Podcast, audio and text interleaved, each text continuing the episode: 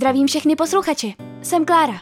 Studuji žurnalistiku a mezi moje největší záliby patří knihy, filmy, seriály, cestování, ale i dubbing, kterému se odmala věnuji. Takže pokud vás některé z těchto témat zajímá, pak jste tady správně. A moc doufám, že se vám to bude líbit. Tohle je Klářin podcast a vy právě posloucháte nový díl.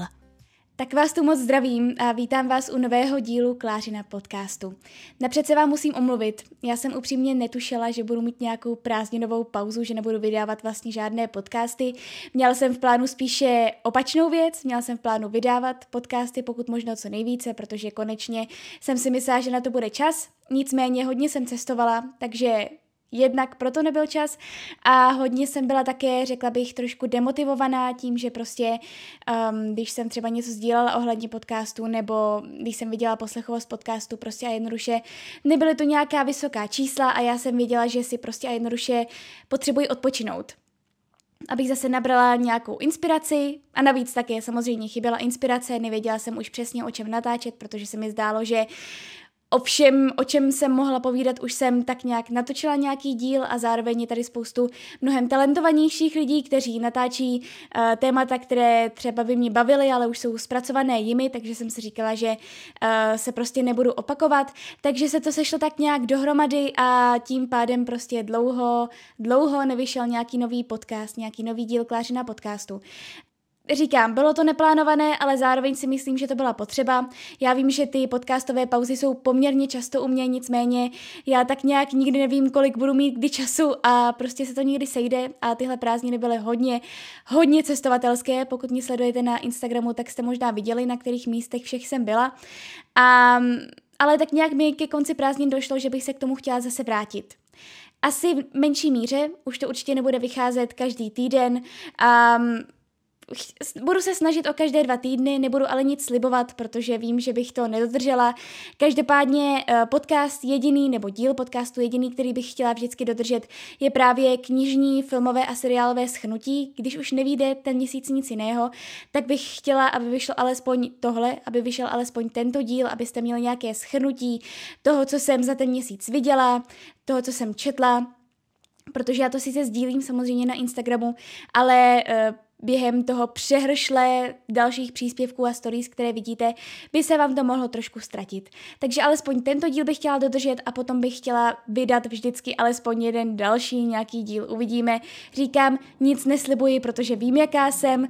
Každopádně moc doufám, že vás to stále bude bavit a že hlavně načerpáte nějaké tipy na knížky, filmy, seriály, které vám tady budu doporučovat a že budete poslouchat. Takže budu moc ráda za vaši zpětnou vazbu, říkám tak rovnou na začátek. A a jdeme se teda pustit do toho, co jsem četla a viděla za celé léto. Také, abyste věděli, uh, spojila jsem teda knížky, filmy a seriály dohromady, takže to budou většinou takové velmi dlouhé epizody. Takže pokud nemáte rádi dlouhé epizody, tak se vám rovnou omlouvám, každopádně prostě tak to je. Ale budu se snažit uh, vždycky do popisku dávat nějaké přibližné časy, kdy třeba začíná část o knížkách, kdy začíná část o seriálech a kdy začíná část o filmech, abyste věděli a mohli jste to třeba přeskočit. Samozřejmě, jak říkám, budu ráda, když si poslechnete všechno, protože si myslím, že by vás třeba nějaké typy mohly zaujmout, i když eh, nemusíte třeba mít tolik rádi knížky, nebo třeba naopak tolik rádi seriály nebo filmy, ale pokud nechcete poslouchat celý podcast, který pravděpodobně teda si myslím, že trošku delší bude, i když se budu snažit mluvit o těch věcech co nejstručněji, tak eh, vám dám teda nějaké přibližné časy, abyste si to mohli třeba přetočit. Takže jdeme se podívat na to, co jsem tedy četla a viděla za léto. Nejdřív začnu knížkami. Vždycky si plánuji na začátku léta, že přečtu spoustu knížek, protože bude spoustu času a protože není škola, Nicméně pak to vždycky nějak nedopadne a já tak nějak jako všude cestuji, nemám čas a jediné, na co se večer zmůžu, je to uh, si lehnout do postele, podívat se na nějaké sociální sítě a spát. Každopádně alespoň nějaké knížky jsem stihla přečíst a rád bych vám je doporučila. Uh, udělala jsem si takový, dalo by se říci, maraton knížek od francouzského spisovatele Eduarda Louise. Pokud jste neslyšeli nic o Eduardu Louisovi, pokud jste teda přesněji řečeno nečetli žádné jeho knížky, tak já moc doufám, že vás v tomto podcastu nalákám na jeho knížky, protože jsou opravdu, opravdu skvělé. Eh, Eduard Louis je tedy současný francouzský spisovatel, mladý spisovatel, který uh, po celém světě sbírá chválu a je velmi populární, protože jeho knížky jsou opravdu uh, výborné. O tom vám tady v tomto podcastu ještě určitě povím, takže nechci se předbíhat. Každopádně ve svých knížkách on se právě mm, věnuje sám sobě nebo svým vlastním zkušenostem a vypisuje se z nich, protože on je homosexuál a vyrůstal na francouzském maloměstě, přičemž prostě na maloměstech uh, když je člověk takový, nebo když člověk nějakým způsobem vybočuje něčím, tak to není přijímané úplně nejlépe a zároveň to nebylo přijímané úplně nejlépe ani jeho vlastním otcem. A on vlastně v těch jeho knížkách mm, popisuje své vlastní zkušenosti Vypisuje se ze, své bolesti, ze svých traumat a tak dále a je to nesmírně bolestivé čtivo, ale nesmírně, nesmírně dobře napsané. Každopádně já jsem od Eduarda Luise četla před lety jeho debitovou knížku a to právě skoncovat s Edim B, kde se nějakým způsobem seznamujeme se samotným autorem, seznamujeme se s jeho situací, s tím, jakým způsobem on se vyrovnával s tou svou vlastní bolestí, s tím, jakým způsobem se vyrovnával s tím, že um, je tady homosexuál, no a vlastně v těch dalších knížkách, které vyšly v češtině, a to dějiny násilí, boje a proměny jedné ženy a kdo zabil mého otce, zase nějakým způsobem prostě se vypisuje ze svých traumat. Takže skoncovat s Edim B. jsem tedy četla před nějakou dobou a velmi se mi to líbilo a řekla jsem si, že každou další knížku od autora, kterou on vydá, tak si musím přečíst.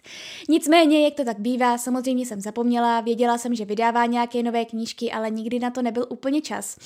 Ale řekla jsem si, že tyhle prázdniny by možná mohly být tím správným časem. Navíc mi byly ty knížky neustále doporučované i mými přáteli, tak jsem si řekla, že konečně bych se do nich teda mohla pustit, takže jsem tak učinila. Jsem ráda, že alespoň jednu věc jsem tyhle ty prázdniny, co se týče knížek, eh, zvládla. A jako první jsem se pustila do dějin násilí. Eh, dějiny násilí, tak v nich se autor vlastně nějakým způsobem eh, vyrovnává se svým traumatem toho, kdy byl znásilněn a téměř zabit na svém vlastním bytě, kdy on vlastně potkal jednu jednoho muže, kterého si pozval do svého vlastního bytu a nejdřív to vypadalo, že by se mohli stát přáteli a že by, se, že by mezi nimi mohlo prostě jednoduše být něco víc. Každopádně uh, tento muž uh, ho následně znásilnil a pokusil se ho zabít. A Eduard Louis se poté vydává vlastně asi po roce, pokud se nepletu, do své rodné vesnice, kde o tomto incidentu konečně po roce vypráví své vlastní sestře. No a tahle knížka je vlastně vyprávěná nesmírně zajímavým způsobem způsobem, nesmírně originálním způsobem, protože uh, vlastně jí vypráví v podstatě uh, jeho sestra.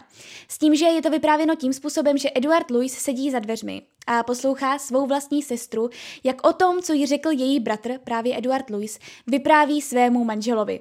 Takže eh, je to velice zajímavé, že to vlastně máme nějakým způsobem zprostředkované jinýma očima, kdy vlastně Eduard Louis do toho ale nějakým způsobem také vstupuje a říká, že tohle třeba není úplně přesné a tohle není pravda. Takže uh, máme tady takový jako velice zajímavý element toho, že nevíme úplně přesně, jak se to třeba stalo. Um, když to nevíme úplně přesně, tak třeba nám to Eduard Louis nějakým způsobem osvětlí, nebo osvětlí to teda tomu čtenáři, ale někdy prostě to vidíme spíše, nebo čteme to těma očima té sestry, sestry, která to má samozřejmě nějakým způsobem zprostředkované. Nestalo se to jí, ale měla to prostě vyprávěné od toho svého bratra. A to si myslím, že je hrozně zajímavý uh, způsob vyprávění teda knížky. Takže tohle je jedna věc, která je skvělá na té knížce.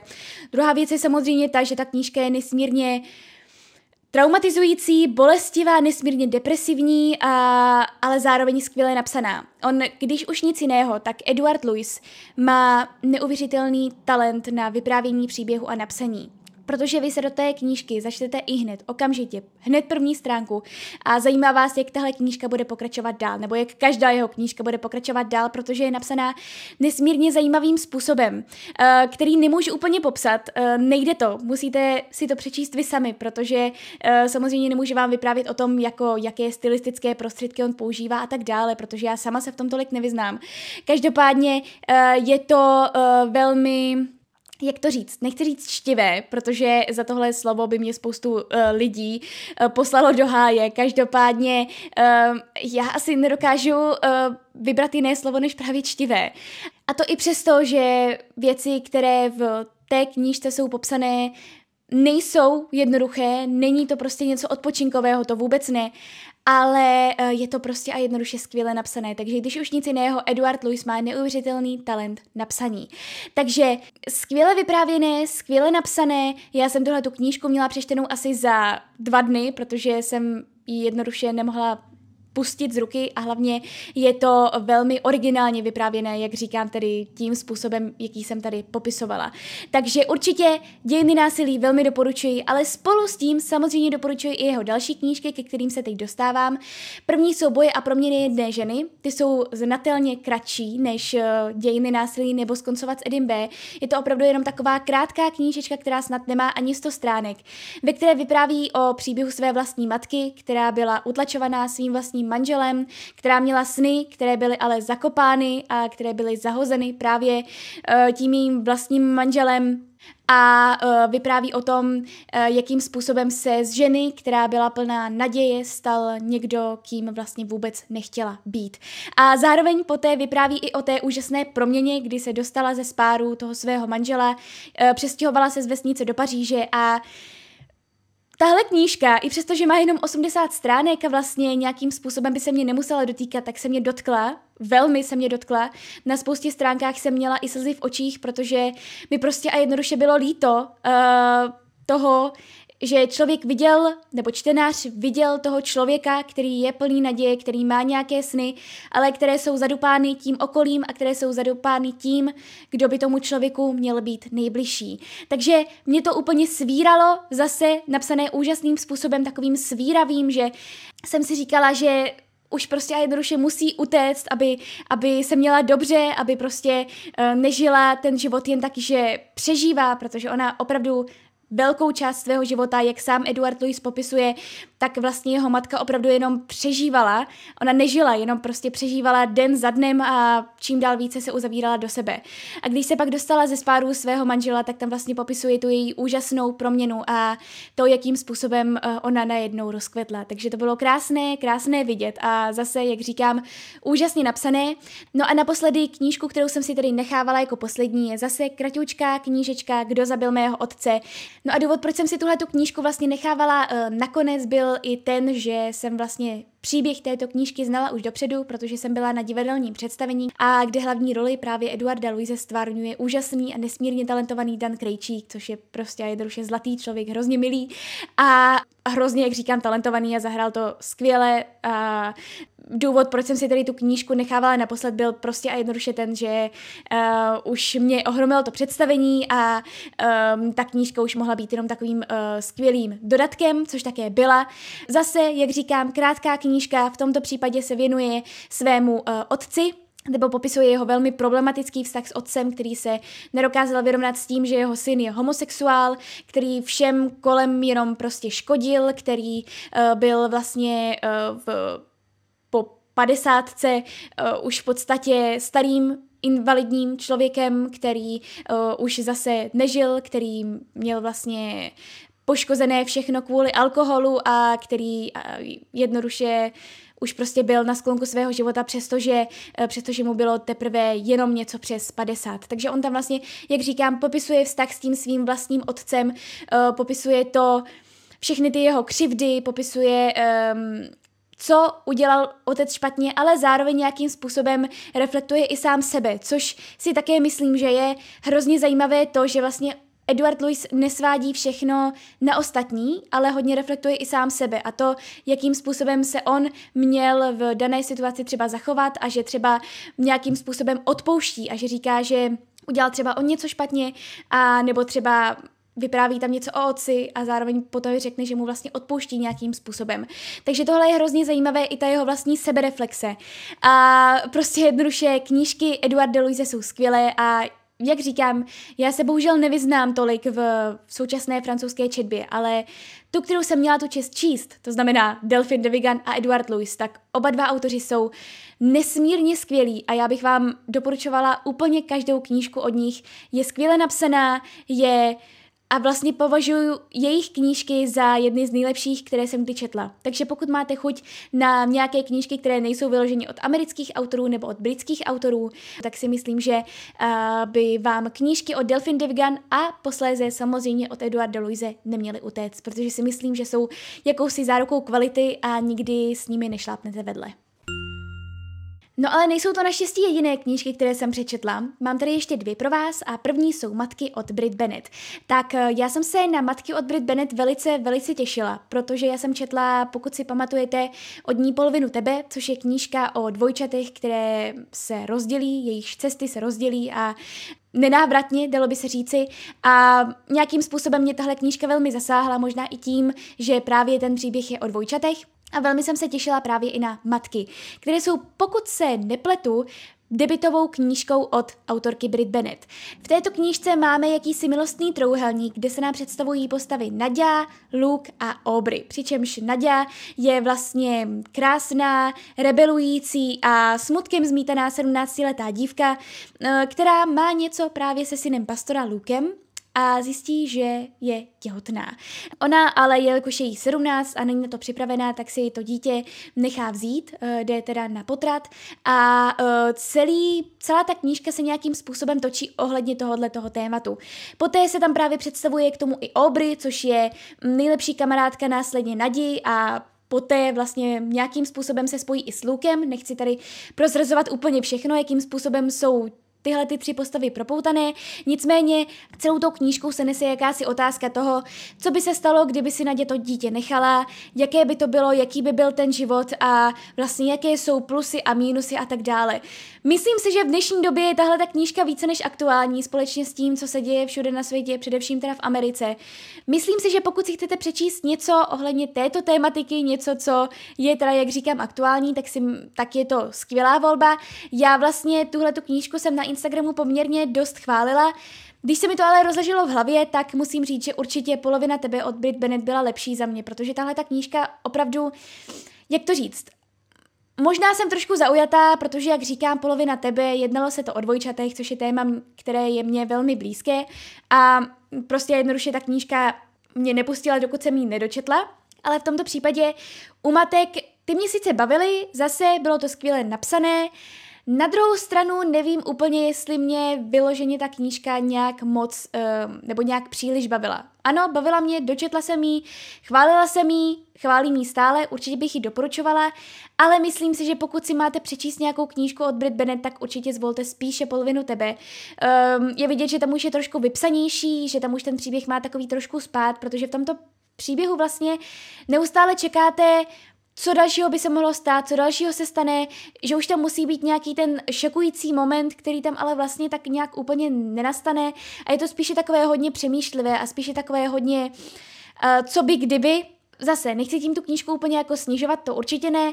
Nicméně, když se mi to tak nějak rozložilo v hlavě, tak vlastně po dvou měsících, co jsem tu knížku dočetla, tak už si spoustu detailů nepamatuji a vlastně jsem od té knížky asi očekávala něco možná trošku jiného. Takže určitě za mě takhle doporučuji, ale pokud byste si měli přečíst nějakou uh, dobrou světovou beletry uh, a chtěli byste opravdu nějaké doporučení, tak spíše polovinu tebe než matky od Brit Bennett.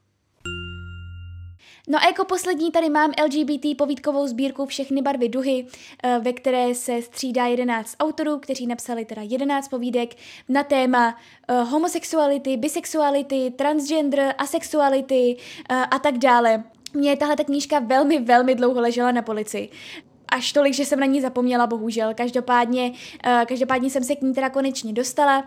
A povídky se mi velmi líbily. Uh, já, jak jsem mnohokrát zmiňovala, jsem s povídkami obecně měla nejdříve trošku problém, nicméně ten se pak uh, napravil společně s nejkrásnějším dárkem, což je také povídková sbírka tentokrát Vánoční povídek, která vyšla u Joli. Uh, tahle ta knížka teda vychází uh, také u Joli, všechny barvy duhy, protože oni teďka vlastně budou vydávat různé tyhle ty povídkové sbírky. No a jak jsem říkala, představuje se v ní 11 autorů, buď jsou to zavedení autoři, jako například Bětka Bílková nebo Theo Eder, nebo jsou to i debitoví autoři, a nebo jsou to autoři, kteří už třeba publikovali něco právě třeba v nejkrásnějším dárku. Jako třeba Ráďa Blažek a právě od něj se mi vlastně ta povídka líbila asi úplně nejvíce. Jeho povídka se zabývala tématem asexuality A uh, zase jeho postavy měly velice zajímavá česká jména, což já mám velice ráda v těch jeho povídkách a zdá se mi, že opravdu velmi dobře píše. Takže to jenom takhle, abych vyzdvihla, která povídka mně se třeba líbila nejvíce. Čímž ale samozřejmě nechci snižovat ty uh, ostatní povídky, protože je tam spoustu dalších skvělých povídek, jako například od Káji Skácelové, kterou můžete znát jako Penny and Books na Instagramu, pak je tam třeba povídka od Ludky Zelinkové a od spousty dalších autorů, takže si myslím, že určitě si máte um, čem vybrat a myslím si, že každý si tam najde nějakého svého, alespoň jednoho oblíbence. A co je hlavní je to, že je skvělé, že vychází jednak tyhle ty povídkové sbírky celkově a že vyšla tahle ta povídková sbírka právě s tou LGBT tématikou, protože um, si myslím, že těchto knížek by mělo vycházet co nejvíce. Bylo tam za mě spoustu velmi povedených uh, povídek, takže si myslím, jak říkám, že každý si najde to svoje. Tak a to už je co se týče knížek vše a my se plynule posouváme k seriálům a začnu tou největší za mě peckou a to je seriál Dopesick neboli Absťák, který můžete vidět na Disney+. Já jsem byla strašně ráda, že u nás konečně začalo Disney Plus právě z toho důvodu, že jsem hrozně dlouho chtěla vidět Doupsik, nicméně vycházelo, pokud se nepletu, jenom na Hulu a Hulu u nás v České republice bohužel přístupné není. Takže jsem neměla úplně kde se na tento seriál podívat. Takže uh, jeden z prvních seriálů, který jsem právě zkoukla, když konečně tady začalo Disney Plus, bylo Doupsik. Tak předtím, než tento seriál, nebo přesněji řečeno tuhle minisérii začnu vychvalovat, protože mi věřte, že já ji budu vychvalovat hodně, protože Tohle je za mě jedna z nejlepších věcí, co jsem kdy viděla. Tak si řekneme něco o příběhu. Seriál se zabývá skutečnou událostí, která se stala v Americe, která se v Americe neustále nějakým způsobem táhne. Um, zabývá se lékem, potažmo drogou Oxycontin a rodinou Saklerových. E, tato rodina vlastně byla rodina filantropů, pokud se nepletu, a vlastně oni vyvinuli tento lék, Oxycontin, který měl e, vlastně pomáhat na mírnou bolest, třeba na bolest zad, na migrény a tak dále, ale byl to opiát, protože vlastně v Americe, na rozdíl od Evropy, je spíše zvykem léčit nějaké bolesti nebo dávat nějaké léky proti bolesti, které jsou opiáty. A oni se teda rozhodli, tahle ta rodina Saklerových, že vyvinou právě lék, který bude ne na mm, velkou bolest, protože do té doby se to dávalo jenom na velkou bolest, ty opiáty, ale bude to právě na menší bolest, třeba jak jsem říkala, právě bolest hlavy, bolest zad a tak dále.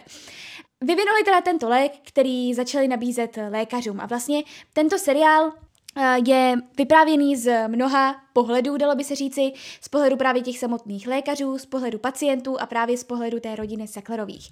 No a vlastně vidíte, jakým způsobem tohle všechno byl jeden obrovský biznis, který byl absolutně nepromyšlený a ve kterém všechno se dělalo jenom proto, aby se vydělali peníze. Uh, tahle ta rodina si vlastně najala spoustu, dalo by se říci, podobných prodejců, kteří měli právě nabízet tuhle uh, drogu, tento lék, teda jak oni to nazývali, tento lék lékařů lékařům, a měli prostě ty lékaře zvát na různé uh, večírky, měli je prostě, měli jim dávat spoustu věcí zadarmo, měli jim dávat dovolené zdarma, měli je prostě Měli jim dávat všechny různé výhody, aby lékaři souhlasili s tím, že tento lék od nich odkoupí a budou ho prodávat pacientům, aby se prostě, nebo budou ho podávat, takhle přesně řečeno, pacientům, aby se dostal mezi co uh, nejvíce lidí a aby samozřejmě oni měli co nejvíce peněz. Nicméně prostě a jednoduše tento lék um, nebyl asi dostatečně oskoušený a stala se z něj velmi, velmi návyková droga, na které se spoustu pacientů uh, stalo pak závislých. A vlastně začala taková opiátová krize vlastně v Americe, kdy lidé začali vykrádat lékárny, přičemž nevykradli nic jiného než právě ten oxykontin a kdy lidé byli čím dál více závislí na těch lécích a potřebovali vyšší a vyšší dávky, přičemž právě ta rodina Sacklerových vyráběla vlastně čím dál silnější ty opiáty, eh, nejdřív to bylo 20 mg, potom 40, potom 80, potom 160 a tak dále a vlastně Všechno se to točilo v jednom takovém začarovaném kruhu, a my teda, jak říkám, sledujeme právě eh, celkově tento příběh, jakým způsobem vlastně ta rodina Saklerových s tím nakládala a že i přesto, že jim bylo řečeno, že eh, ta, ten lék je opravdu droga a že lidé jsou na tom závislí a že to prostě a jednoduše není nic dobrého, tak oni neustále prostě zvyšovali dávky, neustále vyráběli nové a nové věci a chtěli více a více peněz. Byli navíc zaštítění i vlastně uh, tamnější vlastně jakousi lékovou organizací, která je schválila. Poté tam vidíme právě i příběhy těch lékařů, kteří uh, tento lék nabízeli, těm pacientům, kteří následně prostě a jednoduše se stali závislí na tom a kteří třeba v nějakých případech i umírali. Wow, je to... Já opravdu nemůžu říct na tento seriál nic jiného než velké wow. Já jsem to sledovala jedním dechem. Nemohla jsem přestat. Miniserie má asi 8 dílů tak po hodině a neustále se to drama a to napětí tam stupňuje. Vy všechno prožíváte s těmi postavami. Je to nesmírně dobře natočené, nesmírně dobře vyprávěné, jsou tam skvělé herecké výkony a a je to hlavně strašně mrazivé a naprosto nepochopitelné, jak něco takového se může stát v Americe a jak vlastně ta léková agentura i přesto, že měla informace o tom, že uh, lidé jsou závislí na tomto léku, prostě jednoduše nic neudělala. Neustále se v tom pokračovalo dál a umíralo úplně zbytečně několik stovek tisíc lidí, kteří se předávkovali právě tímto lékem, potažmo tedy drogou. Já nebudu přehánět, když řeknu, že jsem při tom seriálu téměř nemohla dýchat. Musela jsem to skouknout, co nejrychleji to šlo. Uh, každý ten díl, jak říkám, se stupňuje v té dramatičnosti, v té depresi, kdy vlastně opravdu vidíte ty příběhy těch lidí, kteří byli do té doby zdraví, měli jenom nějaké malé bolesti a které vlastně to, že jim někdo podá lék, s tím vědomím, že by jim tohle mělo pomoct, je vlastně naprosto potom zničí. Jsou tam hrozné příběhy, je to opravdu nesmírně těžké sledovat, nesmírně hutné je to všechno to sledovat, ale opravdu vám to hrozně doporučuji. Pokud máte rádi skutečné příběhy, nebo teda příběhy podle skutečných událostí, které vás nepustí do té doby, dokud je nedokoukáte, které prostě uh, jsou natočené tím způsobem, že zapomenete na úplně všechno, co se děje kolem vás a prostě jednoduše jenom sledujete ten jeden příběh, které jsou nesmírně mrazivé, svíravé a které jsou zároveň absolutně nepochopitelné v tom, co se v tom daném příběhu děje, tak uh, určitě se podívejte na Doupsik. Je to jedna z nejlepších a nejkvalitnějších věcí, co jsem kdy viděla. Já bych to nejradši doporučila všem, zároveň prostě tohle to není pro slabé povahy, protože opravdu se tam nedějí věci, které uh, by byly nějaké jednoduché nasledování, je to mnohdy dost depresivní, ale pokud máte něco takového rádi, pokud máte rádi tyhle ty skutečné příběhy a pokud jste třeba slyšeli něco o tomto léku, o této droze, tak se určitě podívejte na Dopesick, protože opravdu Kdybych vám měla za tento rok doporučit jednu jedinou věc, tak je to právě Doupsik. Je to fakt skvělé, kvalitní, mrazivé, úžasné, všechny superlativy, které si k tomu můžete do, dosadit, tak si k tomu dosaďte, protože tohle je právě tahle ta minisérie. Je to na Disney+, Plus, Podívejte se na to, podívejte se na to a zjistíte, že vlastně Amerika není vůbec nějaká země zaslíbená a že ten lékařský systém tam mají hodně prohnilý. O čem shodou okolností vypovídá i další minisérie, kterou vám tady doporučím, a to Kauza Teranos, která je také na Disney+, také z lékařského prostředí a také je založená na skutečných událostech. V tomto případě se minisérie věnuje um, nejmladší miliardářce na světě, Elizabeth Holmesové, která ještě donedávna byla vyzdvihovaná jako úžasná žena, která toho spoustu dokázala a která, jak teda říkám, je nejmladší miliardářkou na světě. Ona totiž vymyslela už na škole takový přístroj, eh, kdy z kapky krve, kterou člověk poskytne, vlastně se může zjistit, jaké ten člověk má nemoci, ehm, může se zjistit strašně moc věcí právě z té jedné kapky krve, která se poté následně dá do přístroje jménem Teranos, eh, ve kterém se vlastně tahle kapka krve nějakým způsobem zpracuje a výjdou z ní výsledky, eh, kdy vlastně lidé za pár sekund nebo za pár chvil budou vědět, co jim je, co je s nimi špatně, nebo jestli jsou naopak úplně zdraví. Jediný problém ale byl v tom, že ten přístroj nikdy nefungoval. A ona si to všechno vymyslela a dostávala strašně moc peněz, dostávala strašně moc grantů, neustále prostě říkala, jak všechno uh, půjde jako po másle, jak všechno už je připravené, jak už jenom do- dolaďují poslední detaily, ale vlastně to vůbec nebyla pravda. A Elizabeth si to všechno vymyslela, takže měla jenom spoustu peněz, ale ten přístroj, který vyvíjela, vlastně nikdy nefungoval. Takže, jak říkám, zase prohnilost lékařského amerického systému. Když porovnám uh, kauzu Teranos s uh, Abstiákem, tak musím říct, že Doupsik, nebo teda Abstiák, uh, se mi líbilo o něco víc. Bylo to za mě trošku více mrazivé, trošku více uh, osobní, takové až nervydrásající, ale zase nechci snižovat ani kauzu Teranos, protože i v ní jsou skvělé herecké výkony. Uh, hlavní roli stváruje Amanda Seyfried, která je v té hlavní roli fakt skvělá. A uh, zase je to skvěle zahrané, je to skvěle natočené, je to uh, zase nějakých 8 nebo 10 dílů po hodině, takže si na to vyhra- vynahraďte jeden víkend a myslím si, že vám to bude stačit a je to zase natočené takovým způsobem, že budete chtít koukat do té doby, než to nedokoukáte všechno, budete to chtít mít zkouknuté co nejdříve. Je to vážně neuvěřitelné, že něco takové jí mohlo projít. Já jsem upřímně o této osobě nic nevěděla, takže to pro mě bylo vlastně všechno nové. Nevěděla jsem, že existovala nějaká uh, takováhle žena, která byla přirovnávána k třeba Steveu Jobsovi, a nevěděla jsem, že něco takového se zase v Americe stalo a že hlavně něco takového tam mohlo projít. Že mohla tak dlouho lhát, že něco vyvíjí a všichni to, všichni to prostě žrali. Takže to je fakt zase neuvěřitelná věc. Takže pokud máte zase chuť na něco podle skutečné události, u čeho vám bude rozum stát nad tím, že to mohlo projít, tak určitě Kauza Teranos. Zase na Disney+. Plus. Určitě si myslím, že by se vám to mohlo líbit. Tak a nebojte se, další věc, kterou vám doporučím, tak ta rozhodně není z lékařského prostředí, není podle skutečné události a je to naopak velmi rostomilá záležitost a to seriál Love Victor, který zase najdete na Disney+. Uh, tento seriál je jakýmsi volným pokračováním Love Simon, což byl film, který vyšel asi před čtyřmi lety, pokud se nepletu, a je který byl sfilmovaný na základě knížky Simon vs. The Homo Sapiens Agenda od Becky Albertali.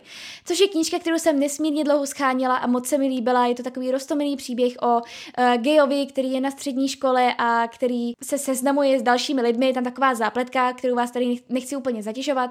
Každopádně je to takový hezký, rostomilý příběh, No a vlastně Love Victor je jakési volné seriálové pokračování, kdy Viktor právě je gay a nastupuje na střední školu, na kterou předtím uh, chodil i Simon.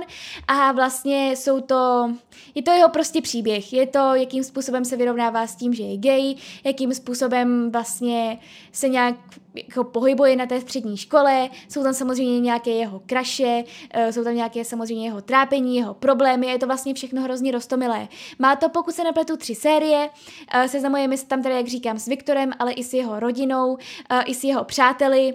A uh, všichni nějakým způsobem um, mají nějaké své vlastní trápení, nějaké své vlastní problémy a já jsem hrozně ráda, že se takovéhle seriály točí, protože um, jsou přesně pro ty teenagery, kteří třeba tápou, kteří neví úplně, kým třeba jsou a kteří se chtějí s někým stotožnit nebo chtějí um, vlastně mít nějakého toho hrdinu, který je do určité míry stejný, jako je ten člověk sám. Takže pokud máte rádi takové ty rostomilé teenagerovské příběhy ze střední, kdy ale zároveň to není jenom taková nějaká plitká věc, není to jenom takový jako plitký příběh, ale je tam opravdu i nějaká ta hloubka, probírají se tam současné témata, um, je tam spoustu prostě věcí, se kterými se člověk může stotožnit, je tam spoustu vlastně problematik, které to těm teenagerům přibližuje, tak si myslím, že Lab Victor by mohlo být pro vás. Navíc jsou tam hrozně sympatičtí herci a je to vlastně celé hrozně pěkné. Jako je to takové, taková věc, u které si řeknete zároveň, že je to hrozně cute a zároveň, že to vlastně řeší i dost závažná témata, která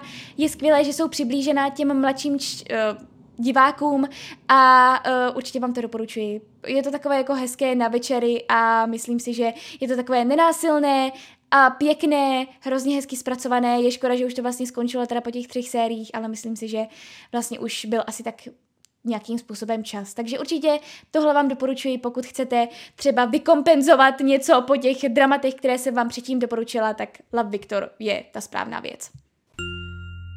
A poslední věc, kterou vám tady doporučím, co se týče seriálu, tak je minisérie Lost Oli, což je čtyřdílná minisérie, která vyšla eh, před nedávnem na Netflixu a je to vlastně o hadrovém králíčkovi, o hračce, která se ztratila jednomu klučinovi, eh, který ho považoval za nejlepšího přítele, navzájem se hledají a vlastně je to teda ta cesta hlavně toho králíčka zpátky za tím svým klučinou. Um, zároveň tomu klučinovi uh, umírá maminka na rakovinu a je to vlastně všechno nesmírně dojemné, hrozně smutné a hrozně, hrozně pěkně udělané. Uh, mám teda, abych řekla pravdu, k tomu pár výhrad, protože v nějakých momentech si myslím, že tenhle příběh není úplně pro nejmenší děti. Některé scény, které tam jsou, si myslím, že jsou poměrně dost pro ty děti, protože se tam objeví samozřejmě pak i další hračky a ne všechny jsou úplně hodné, a ukazují se tam některé scény, které si říkám, že asi by úplně vlastně nebyly pro ty nejmenší děti, uh, i přestože nejsou tam nějaké jako explicitní scény, ale prostě jednoduše si myslím, že um, Možná, že ty nejmenší děti tenhle příběh úplně nepochopí, takže si myslím, že je to spíše pro starší děti nebo právě třeba pro dospělé, kteří mají rádi pohádky, což já samozřejmě ráda mám a ráda na ně koukám a moc jsem se na tento příběh těšila. Nesklamal mě, bylo to hrozně pěkné, bylo to hrozně dojemné. Nebudu lhát, brečela jsem u toho, hodně jsem u toho brečela a jak říkám, je to hrozně krásně zpracované. Jak říkám, není to úplně pro nejmenší děti, ale myslím si, že um, i přesto, že, jak říkám, mám k tomu pár výhrad právě co se týče tohoto zpracování, že si myslím, že to přece jenom mělo se i ohlížet více na ty děti a ne na to, že tam byly prostě jednoduše nějaké scény, které si myslím, že do dětského seriálu úplně nepatří. Ale odpouštím to, protože celkově ten příběh je hrozně dojemný a je to prostě mm, takový ten příběh o tom, kdy máme tu milovanou hračku, kterou, se kterou se dříve či později musíme nějakým způsobem rozloučit. A uh, no, Dojemné to bylo. Dojemné, nic víc vám k tomu říkat nebudu. Dojemné to bylo uh, v originálu, navíc uh, hlavní postavu dabuje Jonathan Groff, což je skvělý herec, který hrál třeba v mém největším guilty pleasure uh, Glee, Jesseho St. Jamese. Pokud si chcete poslechnout nějaký skvělý hlas ještě, tak uh, určitě si to dejte. Uh, je to skvělé, je to krásné, je to hrozně dojemné a garantuji vám, že budete potřebovat kapesníky. Tak a od seriálu nakonec přecházíme k filmům. Mám tedy jediný, a to všechno všude najednou, neboli v originále Everything Everywhere All at Once. Tak upřímně tohle je film, který byl jedním z nejočekávanějších filmů tohoto roku pro mě. Uh, už když mi byl ukázán trailer, tak vlastně jsem si říkala, páni, tohle je něco skvělého. A vypadá to hrozně dobře a právě v Americe na to byly nesmírně dobré recenze. Všichni říkali, že je to film všech filmů, že nikdy v životě nic takového neviděli a že nikdy v životě nic takového ani neuvidí a že to je prostě jeden velký, když to řeknu, mindfuck. Takže jsem se na to samozřejmě velmi těšila, nicméně u nás hrozně dlouho trvalo, než to dostalo do distribuce, já jsem mezi tím byla v Portu a tam jsem právě viděla, že tento film dávají s anglickými uh, titulky, teda v anglickém znění a s portugalskými titulky, takhle. Tak jsem si říkala, že to samozřejmě zvládnu. Nicméně jsem netušila, že třetinu toho filmu mluví čínsky. Takže byly tam jenom ty portugalské titulky, takže třetinu filmu z ní jsem absolutně nic neměla. Byla jsem z toho absolutně jenom zmatená a říkala jsem si, že si na ten film musím zajít znovu v Česku tak jsem se na ně také zašla. Konečně jsem i věděla, co se děje v těch, uh, co se děje v těch, uh, té třetině toho filmu, kde se mluvilo čínsky. No a předtím, než vám řeknu názor, tak jenom vám trošku přiblížím, o čem ten film je. Tak hlavní postavou je žena ve středním věku, která je vlastně se vším nespokojená, všichni kolem jí štvou, hlavně její rodina. Navíc to vypadá, že její prádelná, která je celým jejím živobytím, tak krachne, protože um, nějak špatně odváděli peníze, takže prostě všechno je absolutně špatně. Nicméně na finančním úřadě se jí zjeví její manžel uh, v, z alternativní dimenze, který vlastně nějakým způsobem řekne, že uh, je spoustu dalších alternativních vesmírů, ve kterých není všechno tak uh, černé, jak se to zdá tady v této dimenzi, ve které ona je, ale že všem těm dimenzím hrozí nebezpečí a že ona je jediná, která ty dimenze všechny může zachránit. Uh, takže vlastně celým tímto filmem prostupuje to, že ona se nějakým způsobem přenáší z dimenze do dimenze, potom se zase zpátky do té své dimenze a tak dále. A je to jeden velký, jak už jsem zmiňovala, mindfuck. Já neustále, i po tom, co jsem to viděla dvakrát, i po tom, co to mám s nějakým odstupem, nevím, jestli se mi ten film líbil nebo ne. Protože takhle, já si myslím, že ta hlavní myšlenka, toho filmu je vlastně hrozně hezká. Je to zase, je to jakási generační propast, je to taková ta jako um, nepochopenost mezi těmi generacemi, mezi tou rodinou, mezi těmi dětmi a uh, těmi rodiči, mezi teda v tomto případě matkou a dcerou. to jádro toho příběhu a to, co se ten příběh snažil předat, je vlastně hrozně hezké a hrozně dojemné. A když jsem to viděla poprvé, tak mě to dojalo k slzám. Nicméně je to zaobalené v takovém jako velice zvláštním za mě obalu, který je tak strašně přikombinovaný, že je to až škoda, protože vlastně poté se ztrácí ten prvopočátek toho, o čem tento film je. A jak říkám, je to škoda, protože opravdu uh, to téma, přestože je v mnoha, mnoha filmech, mnoha, mnoha podáních, tak tady by to bylo vlastně podané hrozně pěkně a vlastně měli o tom strašně pěkné rozhovory v tom filmu, nicméně děje se toho tam tak strašně moc, že už třeba já jsem to nedokázala vnímat. Já osobně třeba mám moc ráda tématiku paralelních vesmírů, těch alternativních dimenzí a myslím si, že něco takového určitě existuje za mě třeba. A hrozně ráda to sleduji v nějakých filmech, seriálech, čtu o tom, uh, líbí se mi to. Je to něco, co mě nějakým způsobem fascinuje, že vlastně jedno jediné rozhodnutí stojí za tím, že třeba váš život se bude odvíjet nějakým úplně, úplně jiným způsobem. Ale prostě jednoduše tady to bylo všechno hrozně rychlé, hrozně překombinované a nestihla jsem to vnímat ani po druhé, co jsem na tom byla. Takže za mě vlastně dobré, jako ta prvotní myšlenka, vlastně i jako ten námět, dalo by se říci, ale bohužel si myslím, že tomu uškodilo to, že se z toho chtěli, že z toho chtěli udělat ještě k tomu nějakou akční komedii, i přesto, že vlastně to mohlo fungovat celkově jako nějaké vlastně drama společně s nějakými sci-fi a tak dále. Takže, jak říkám, dobré, určitě to není něco, u čeho bych říkala nikdy v životě, už neuvidím něco tak dobrého, neviděla jsem nikdy v životě nic takového, nevím, nejsem z toho asi tak nadšená jako spoustu Američanů, nicméně myslím si, že tomu prostě a jednoduše uškodilo právě to, že ti autoři už to pak hodně překombinovali a myslím si, že to tomu filmu třeba pro mě uh, uškodilo. Takže pokud chcete vidět něco naprosto bizarního, tak si myslím, že všechno všude najednou určitě uh, je pro vás. Uh, já ten film určitě nezatracuji, nemyslím si, že to je něco nekvalitního, to rozhodně ne. Nicméně, bohužel to prostě nevychytali tak úplně. Tak a to už je, co se týče tohoto podcastu, všechno. Já moc doufám, že vás to bavilo, jak říkám, doufám, že vám nevadilo, nebo že vám nebude vadit, že jsem teda spojila knížky, filmy a seriály dohromady a že to takhle teda bude pokračovat snad každý měsíc.